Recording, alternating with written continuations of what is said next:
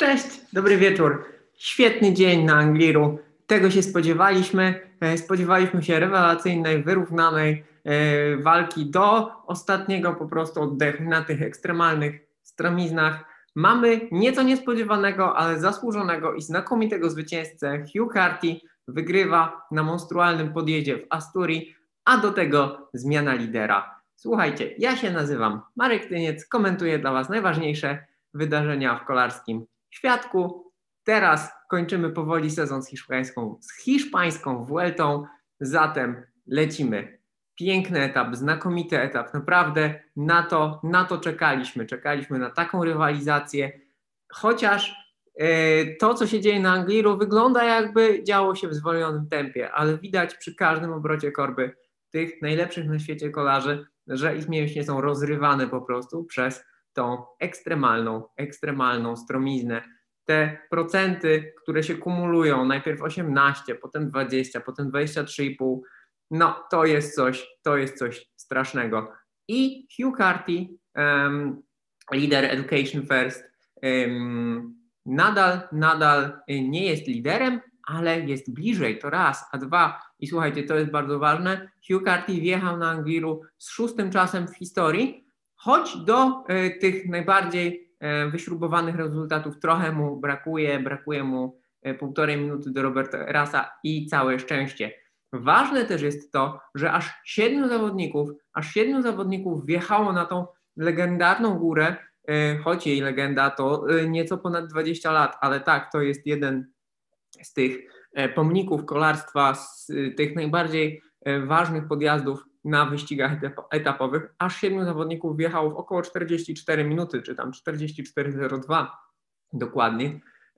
To jest taki, taki limit dla pierwszej siódemki i to jest naprawdę po pierwsze bardzo dobry rezultat dla e, całej tej grupy, mm, to raz, a dwa, e, że do tej pory naprawdę e, zdarzało się, że oczywiście tam kilku zawodników jechało razem, że nie było aż tak dużych różnic, ale w tych kluczowych momentach i na mecie e, tak duża grupa, która wyjechała tak szybko, to jest e, coś wyjątkowego. To jest coś wyjątkowego, co pokazuje, że kolarstwo się zmienia, poziom w kolarstwie się wyrównuje, coraz większa grupa kolarzy jest w stanie jechać bardzo, bardzo szybko.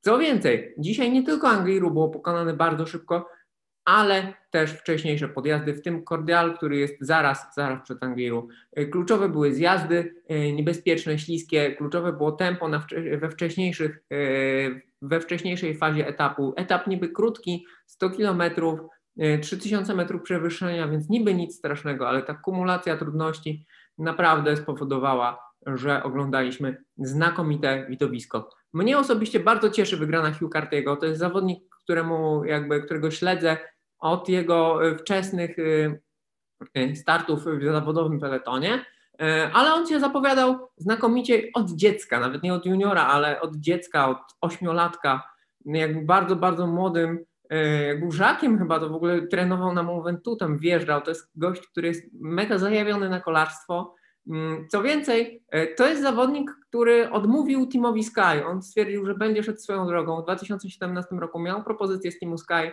i dyplomatycznie powiedział, że e, to nie jest dla niego. Postanowił jeździć u Woutersa e, z hiszpańskiej drużyny Caja Rural, e, która jedzie w tej Vuelcie. To jest taka bardzo solidna drużyna, z której wyszło wielu młodych zawodników i tam zdobywało swoje doświadczenie. Mm, z drużyny Caja Rural poszedł do Woutersa i to nie jest tak, że, on, że ten jego talent eksplodował. On ma 26 lat, więc to na tle tych e, bardzo młodych dwudziestolatków to nie jest tak całkiem mało, ale on się rozwija, on rośnie z roku na rok i kto wie, kto wie, jak daleko zajdzie. To, co się działo na Angliru w ogóle, naprawdę, naprawdę przeinteresujące.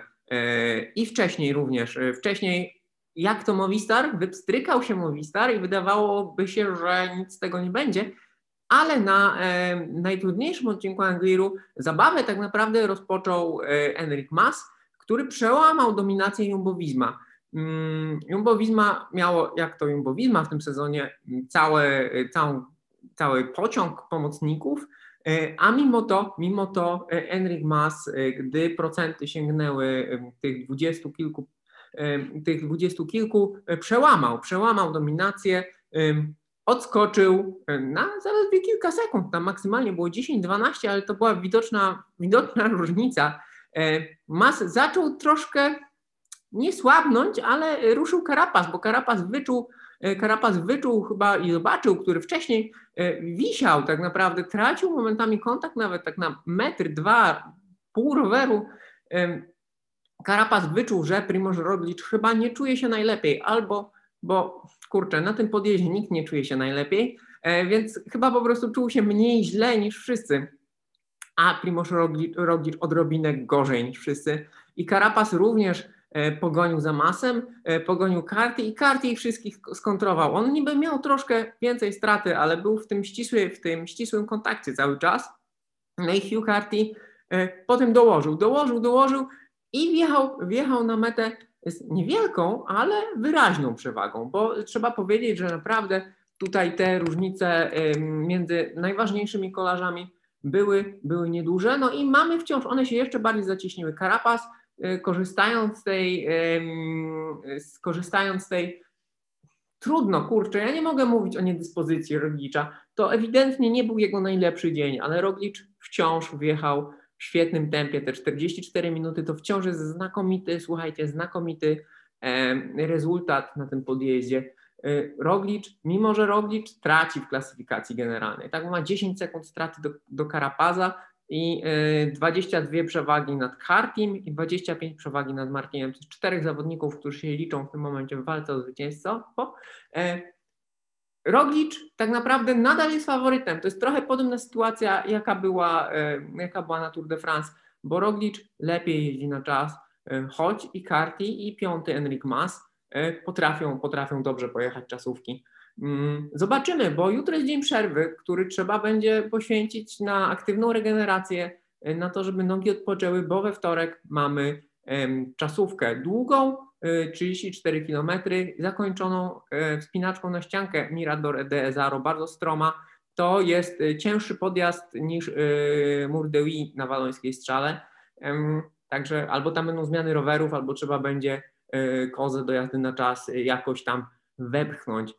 Zobaczymy. Na podobnym dystansie, na Giro d'Italia w zeszłym roku, na czasówce, która również kończyła się podjazdem tylko dłuższym i mniej, mniej stromym do San Marino, Roglicz, e, słuchajcie, Roglicz e, tam się ścigał i z Kartiem i z Karapazem. I Kartiego e, pokonał o półtorej minuty, Karapaza o minutę 55, ale trzeba pamiętać, że Roglicz wtedy był ewidentnie na fali wznoszącej, no a teraz, teraz chyba powoli, no trudno powiedzieć czy gaśnie, bo przecież jeszcze, jeszcze dwa dni temu, jeszcze cztery dni temu, no on był bardzo eksplozywny, wydawało się, że że jest w świetnej formie, więc może po prostu gdzieś go ta akumulacja trudności dzisiaj przytkała. E, tak czy inaczej, kolejny wielki tour w tym roku e, trzyma suspens do samego końca. Ostatni tydzień, e, sześć etapów, z czego jeden kończący się na podjeździe w sobotę na Kowatije, podjazd, który teoretycznie będzie sprzyjał drużynie Jumbo Visma między wtorkową czasówką a tym sobotnim etapem górskim trzy etapy górzyste, które mogą być nerwowe, gdzie trzeba będzie szukać, szukać jakichś rozwiązań. Także rewelacyjny dzień, y, wybitny poziom sportowy tego wyścigu, mm, wybitny poziom sportowy na Angliru, ale na szczęście daleki od y, najlepszego rezultata, rezultatu Roberto Erasa, więc można odetchnąć. To znaczy jest bardzo, bardzo mocno, ale nie absurdalnie mocno. Y, to był świetny dzień. E, świetnie się to oglądało. Bardzo mnie cieszy zwycięstwo Cartiego. Bardzo mnie cieszy to, że nadal nie wiemy, kto wygra wyścig, jak to się wszystko dalej potoczy. E, będę śledził e, WLT z Wami. Dziękuję uprzejmie i do zobaczenia, do usłyszenia. Cześć.